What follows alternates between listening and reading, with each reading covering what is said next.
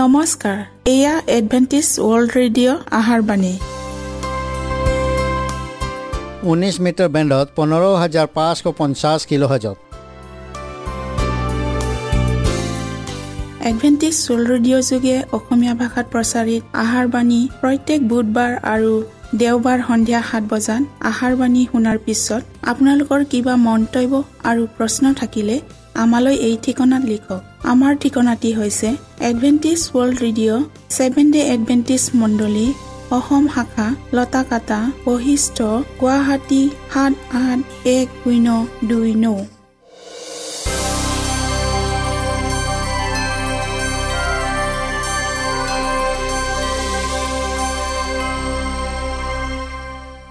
প্ৰিয় শ্ৰোতা বন্ধুসকল এতিয়া শুনো আহক এটি খ্ৰীষ্টীয় ধৰ্মীয় গীত।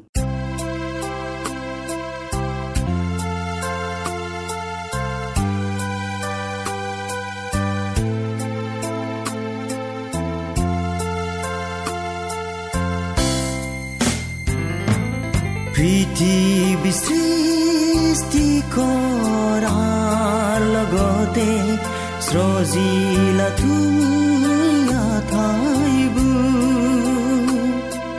পৃথিৱী সৃষ্টি কৰাৰ লগতে সজিলা তুমি ঠাইবোৰ। জীৱ জন্তু আৰু লগতে মান জীৱ জন্তু আৰু লগতে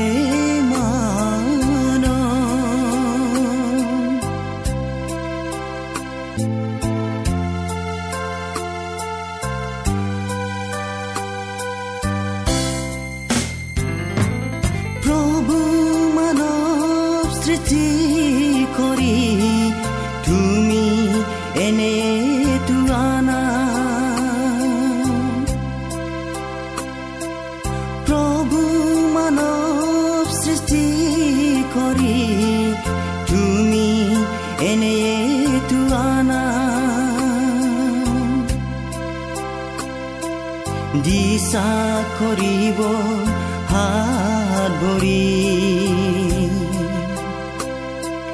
দিশা কৰিব হাত ভৰি।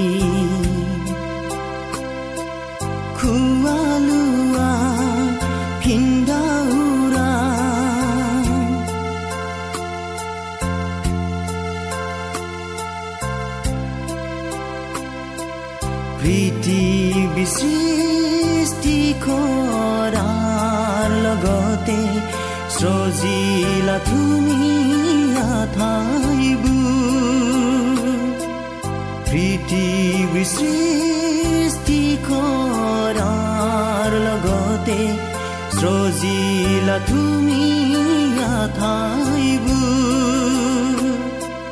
জীৱ জন্তু আৰু লগতে মান জীৱ জন্তু আৰু লগতে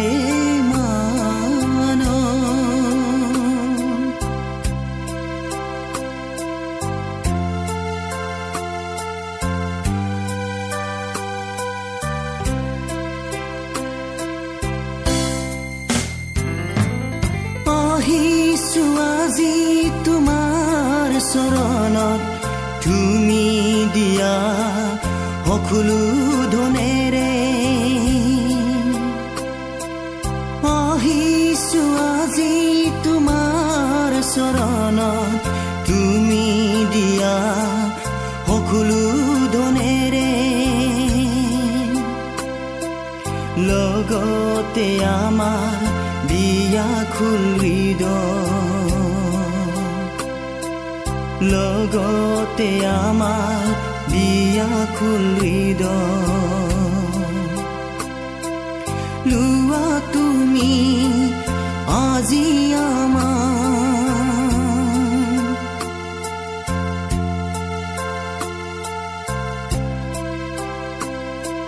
পৃথিৱী সৃষ্টি কৰাৰ লগতে সজিলা তুমি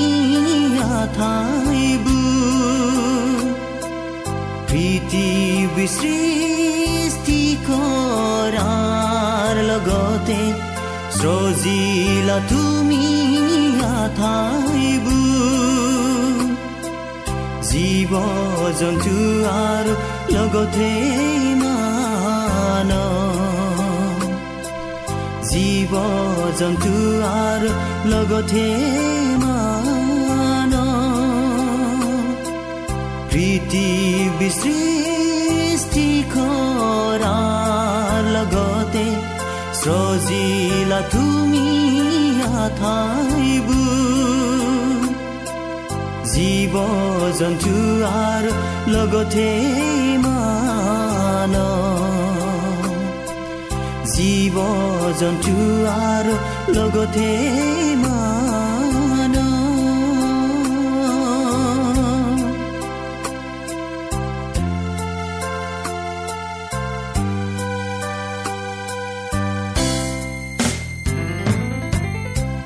প্ৰিয় শ্ৰোতা বন্ধুসকল আহক আমি খন্তেক সময় বাইবেল অধ্যয়ন কৰোঁ হওক।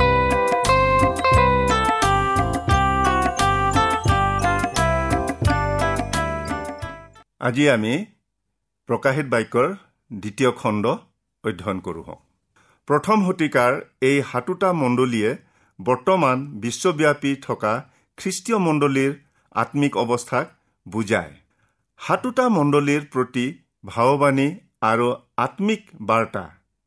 ইফিচিয়া মণ্ডলী খ্ৰীষ্টীয় আৰু তেওঁৰ পাচনীসকলৰ পবিত্ৰ আৰু নিষ্কলংকিত মণ্ডলী। কিন্তু খ্ৰীষ্টীয়ৰ এই পবিত্ৰ মণ্ডলীয়ে খ্ৰীষ্টীয়ৰ প্ৰতি থকা প্ৰথম প্ৰেম ত্যাগ কৰিলে। স্মৰণা মণ্ডলী সূচী আৰু পবিত্ৰ মণ্ডলী আছিল আৰু অনেক তাৰণাৰ সন্মুখীন হৈছিল। পাচনিবিলাকৰ পাছত ছয়তানে অনেক বিশ্বাসীবিলাকক অপথে লৈ গৈছিল।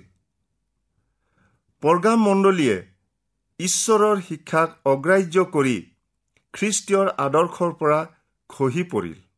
থুৱাতিৰা মণ্ডলী মধ্যযুগৰ আটাইতকৈ দুৰ্যোগৰ সময়ছোৱাত তাৰ খ্ৰীষ্টিয়ানবিলাকে সম্পূৰ্ণৰূপে ঈশ্বৰৰ বাক্যলৈ আওকাণ কৰি ইজেবল নামৰ তিৰোতাৰ ভুল শিক্ষাত আসক্ত হৈছিল। চাৰ্ডিছ মণ্ডলীৰ আত্মাত মৃতপ্ৰায় জীয়াই আছিল। কিয়নো প্ৰেমৰ দ্বাৰাই হোৱা বিশ্বাস সিবিলাকে হেৰুৱাই দিছিল। তথাপি ইয়াত বিশ্বাসী খ্ৰীষ্টিয়ান একেবাৰে নাছিল এনে নহয়। তেতিয়াও কিছুমান খ্ৰীষ্টিয়ান খ্ৰীষ্টীয়ৰ অনুগত্য হৈ আছিল। ফিলাডেলফিয়া মণ্ডলীয়ে কিন্তু কোনো তিৰস্কাৰ পোৱা কৰ্ম কৰা নাছিল।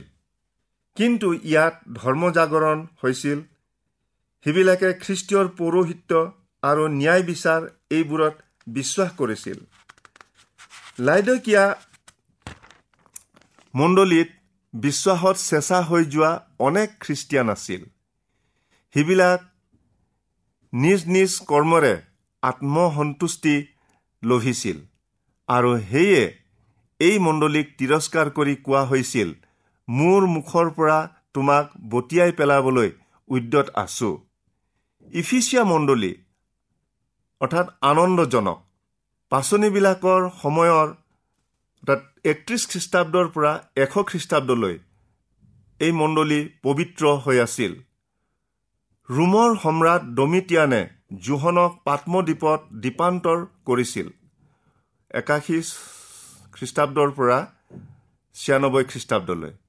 গীৰ্জাৰ প্ৰাচীন ইউৰেনাছে কৈছিল প্ৰকাশিত বাক্য পুস্তকখন ছিয়ানব্বৈ খ্ৰীষ্টাব্দত জোহনে লিখিছিল আৰু তেওঁ অতি বৃদ্ধ হৈ একে বছৰতে ইফিচিয়াত শেষ নিশ্বাস ত্যাগ কৰিলে। ৰুমিয়াবিলাকে ৰোমা নামৰ ইষ্ট দেৱতা আৱিষ্কাৰ কৰি ঊনত্ৰিছ খ্ৰীষ্টাব্দত স্মুৰ্ণাত এটা প্ৰকাণ্ড মন্দিৰ স্থাপন কৰি আটাই জনগণক সেই দেৱতা আৰু স্বয়ং সম্ৰাটক উপাসনা কৰিবলৈ বাধ্য কৰালে। কিন্তু সময়ৰ সোঁতত জনগণৰ ৰোমা দেৱতাৰ প্ৰতি ভক্তিভাৱ হ্ৰাস পাই আহিল। আনহাতে সম্ৰাট উপাসনাৰ প্ৰতি জনগণৰ আসক্তি বৃদ্ধি পাই গ'ল। ৰোমৰ সম্ৰাট কেলিগুলাই তেওঁক উপাসনা কৰিবলৈ পৰ্যাবৰ্গক বাধ্য কৰাইছিল। আমি ইয়াত পাওঁ নিকলাই তিয়াবিলাকক ইফিচিয়া আৰু পৰগাম মণ্ডলীৰ প্ৰতি এক মহামাৰী স্বৰূপ ধৰ্মবিৰোধী দল আছিল। ইফিচিয়া মণ্ডলীৰ কিছুমান খ্ৰীষ্টিয়ানে নিকলাই তিয়াবিলাকৰ শিক্ষাক গীৰ্জাৰ অন্তৰ্ভুক্ত কৰাত ঈশ্বৰৰ প্ৰকৃত প্ৰেমৰ পৰা আঁতৰ হৈ আহিল। এই দলটোৰ প্ৰতিষ্ঠাপক আন্তিয়খিয়া নিকলাই নামৰ এজন লোক আছিল। তেওঁৰ নামেৰে এই দলটোৰ নাম নিকলাই তিয়া বুলি প্ৰকাশ পাইছে। স্মৰণা মণ্ডলী মোহাৰি পেলোৱা বা সুগন্ধ ইয়াক শ্বহীদ মণ্ডলী বুলিও ক'ব পাৰি। এশ এক খ্ৰীষ্টাব্দৰ পৰা তিনিশ তেৰ খ্ৰীষ্টাব্দলৈ এই মণ্ডলী বৰ্তি আছিল। এই স্মৰণা মণ্ডলী কেতিয়া আৰু কাৰ দ্বাৰাই স্থাপন কৰা হৈছিল এই বিষয়ে শাস্ত্ৰৰ ক'তো উল্লেখ নাই।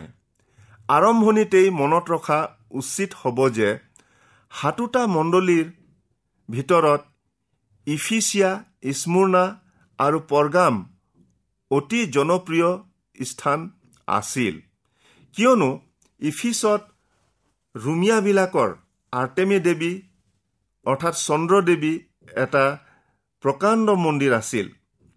পুৰণি জগতৰ সাতোটা আশ্চৰ্য বস্তুৰ ভিতৰত এই আৰ্টমী দেৱীৰ মন্দিৰো এটা আশ্চৰ্য মন্দিৰ আছিল।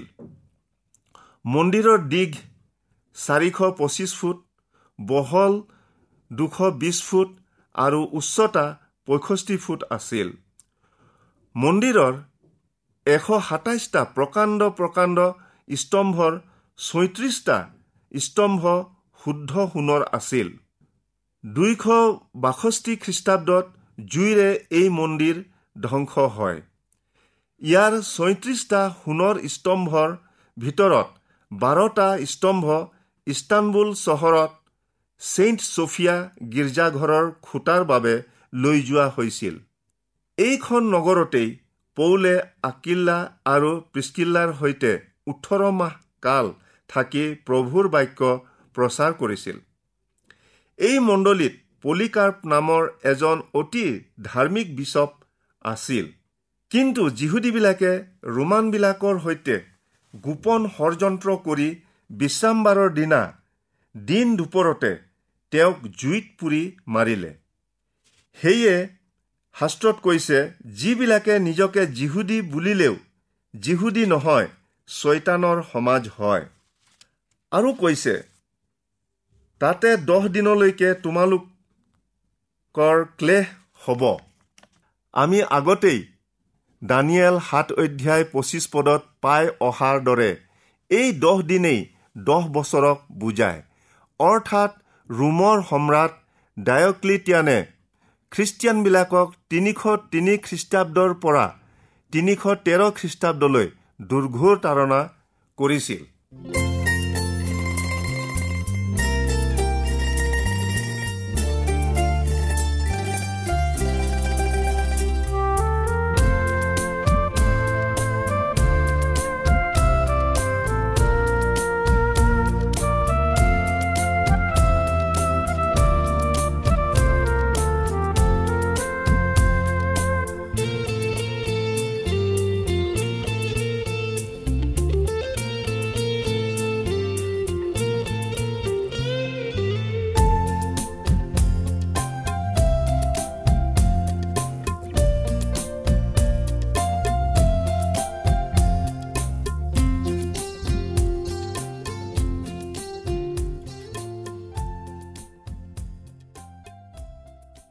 এই ঠাইতে গ্ৰীকবিলাকৰ প্ৰধান দেৱতা জিউছ আৰু ৰুমিয়া ভাষাত জুপিটাৰৰ এটা ডাঙৰ মন্দিৰ আছিল।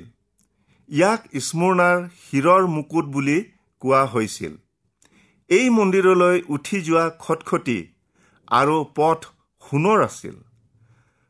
প্ৰথম শতিকাত ইয়াৰ জনসংখ্যা দুই লাখ আছিল। আৰু বৰ্তমানে ইয়াৰ জনসংখ্যা ছয় লাখ। স্মৰণাত এটা সৰ্প দেৱালয় আৰু এখন চিকিৎসালয় আছিল। সৰ্পই আটাই ঔষধৰ শক্তিৰ প্ৰতীক বুলি ইয়াৰ মানুহে বিশ্বাস কৰিছিল। সেয়ে আজিকালি চিকিৎসা বিজ্ঞানৰ পুস্তকবোৰত এডাল দণ্ডত এডাল বা দুডাল সৰ্প মেৰিয়াই থকা ছবি দেখা যায়। বাইবেলত সৰ্পক দিয়াবল আৰু চৈতান বুলি কৈছে। ই দুষ্টৰ প্ৰতীক পৰগাম মণ্ডলী অৰ্থাৎ উচ্চতা বা দুৰ্গ। এই মণ্ডলী তিনিশ তেৰ খ্ৰীষ্টাব্দৰ পৰা পাঁচশ আঠত্ৰিছ খ্ৰীষ্টাব্দলৈ বৰ্তি আছিল। তেতিয়াৰ দিনত এইখন ঠাইত দুই লাখ পুস্তকৰ ভঁৰালৰ নিমিত্তে বিখ্যাত আছিল। আগতে উল্লেখ কৰাৰ দৰে আক্ষৰিক শব্দ বা কথাবোৰ সাংকেতিক আৰু বৰ্তমান বিশ্বজনীন বিষয়বোৰত ব্যৱহাৰ হয়। এই পাৰগামত ৰুমিয়া দেৱী ৰুমা আৰু সম্ৰাট উপাসনাৰ এটা মন্দিৰ আছিল। খ্ৰীষ্টিয়ানবিলাকক ৰুমা দেৱী আৰু সম্ৰাট উপাসনা কৰিবলৈ ৰাজ আজ্ঞাৰে বাধ্য কৰোৱা হৈছিল। কিয়নো সম্ৰাট ডমিটিয়ানে নিজকে দেৱতাবিলাকৰ দেৱতা বুলি প্ৰতিষ্ঠিত কৰিছিল। পৰগাম সেই সময়ৰ ৰোম সাম্ৰাজ্যৰ নানা দেৱ দেৱীৰ পূজাৰ ধৰ্মীয় কেন্দ্ৰস্থল আছিল। যি দেৱমূৰ্তি পূজাৰ ধৰ্মীয় মতবোৰ মেচুপটমিয়াৰ পৰা আনিছিল সেয়ে জোহনে উচিতভাৱে এই ঠাইখনক য'ত চৈতানৰ সিংহাসন আছে কৈছিল।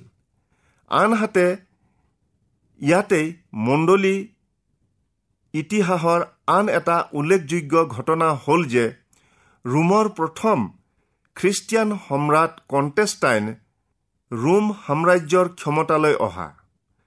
তেওঁৰ সময়তেই ৰোমত পূপে ধৰ্মীয় শাসন আৰু ৰাজনৈতিক শাসন উভয়ৰে নিয়ন্ত্ৰণৰ বাঘজৰি নিজ হাতলৈ আনি নিজৰ স্থান কটকটীয়া কৰি তুলিছিল।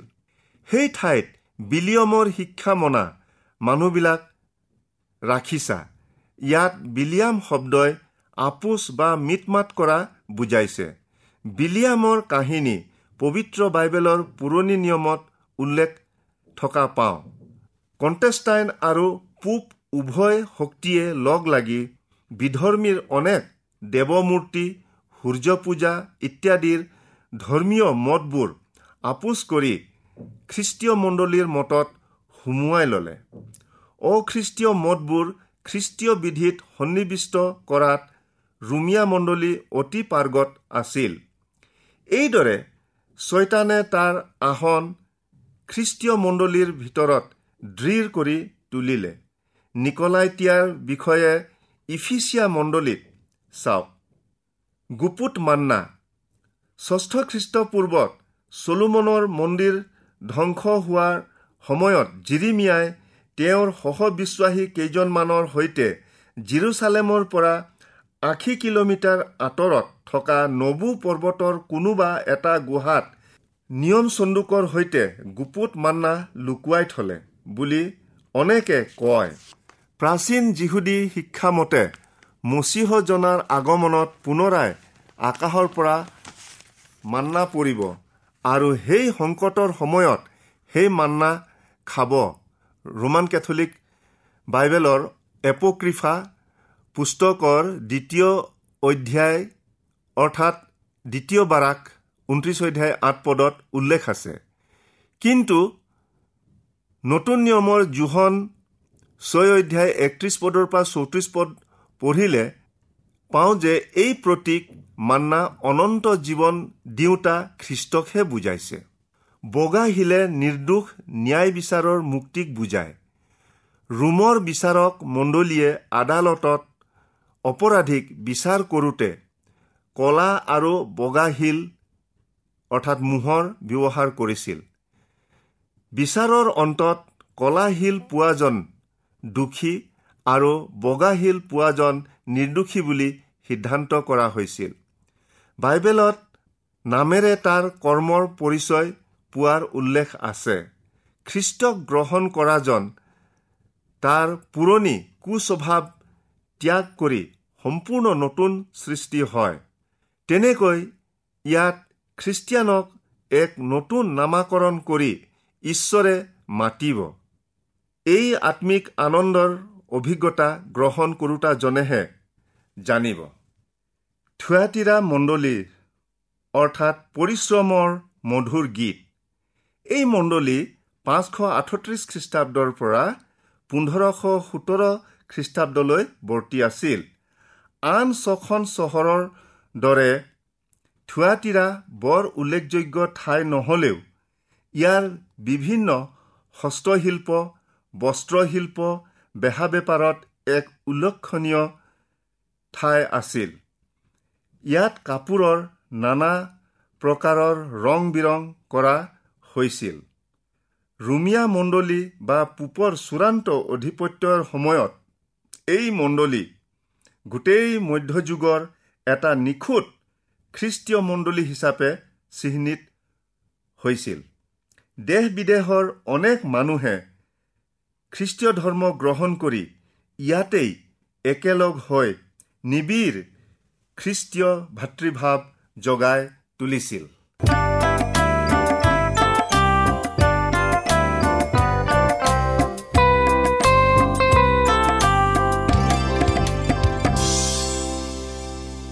ইমানপৰে আমি বাইবেল অধ্যয়ন কৰিলোঁ। এতিয়া আকৌ শুনো আহক এটি খ্ৰীষ্টীয় ধৰ্মীয় গীত।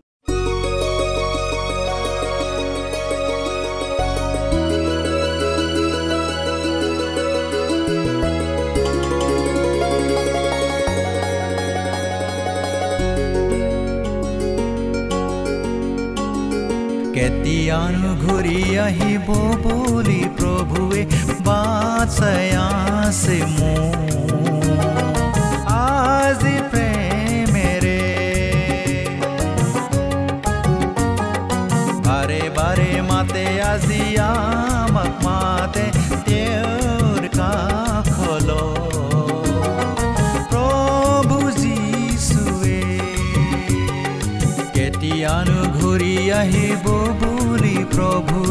बासयासे मो आजी प्रेमे रे। बारे बारे माते आजिया मक माते मा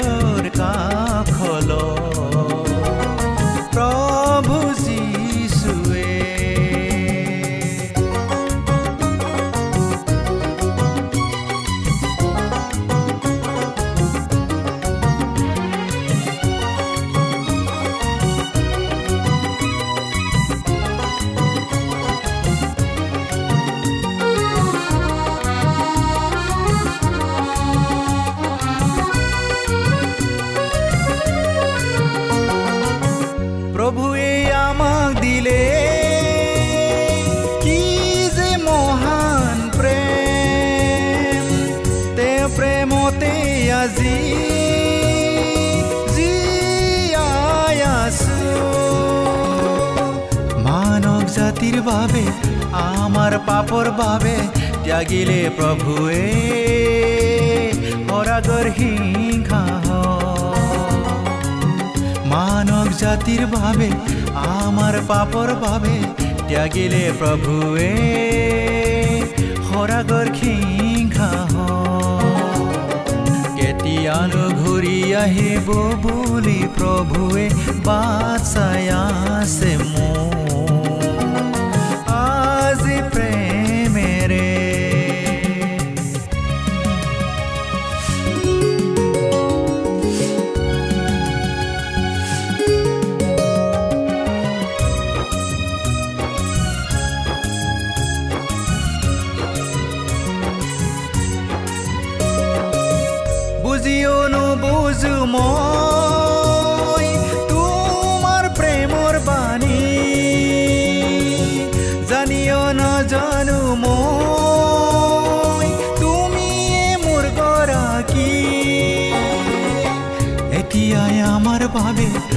অৰ্পণ কৰাৰ সময় পিছলৈ নাহিব।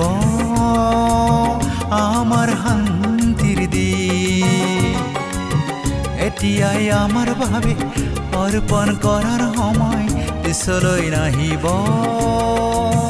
আমাৰ শান্তিৰ দি কেতিয়ানো ঘূৰি আহিব বুলি প্ৰভুৱে বাচাই আছে মোক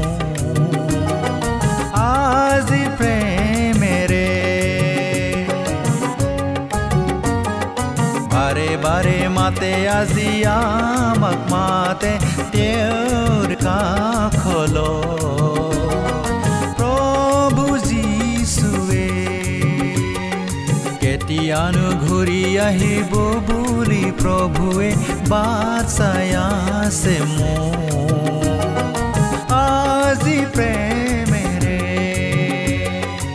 বাৰে বাৰে মাতে আজি আমাক মাতে তেওঁৰ কাষল প্ৰভু যিচুৱে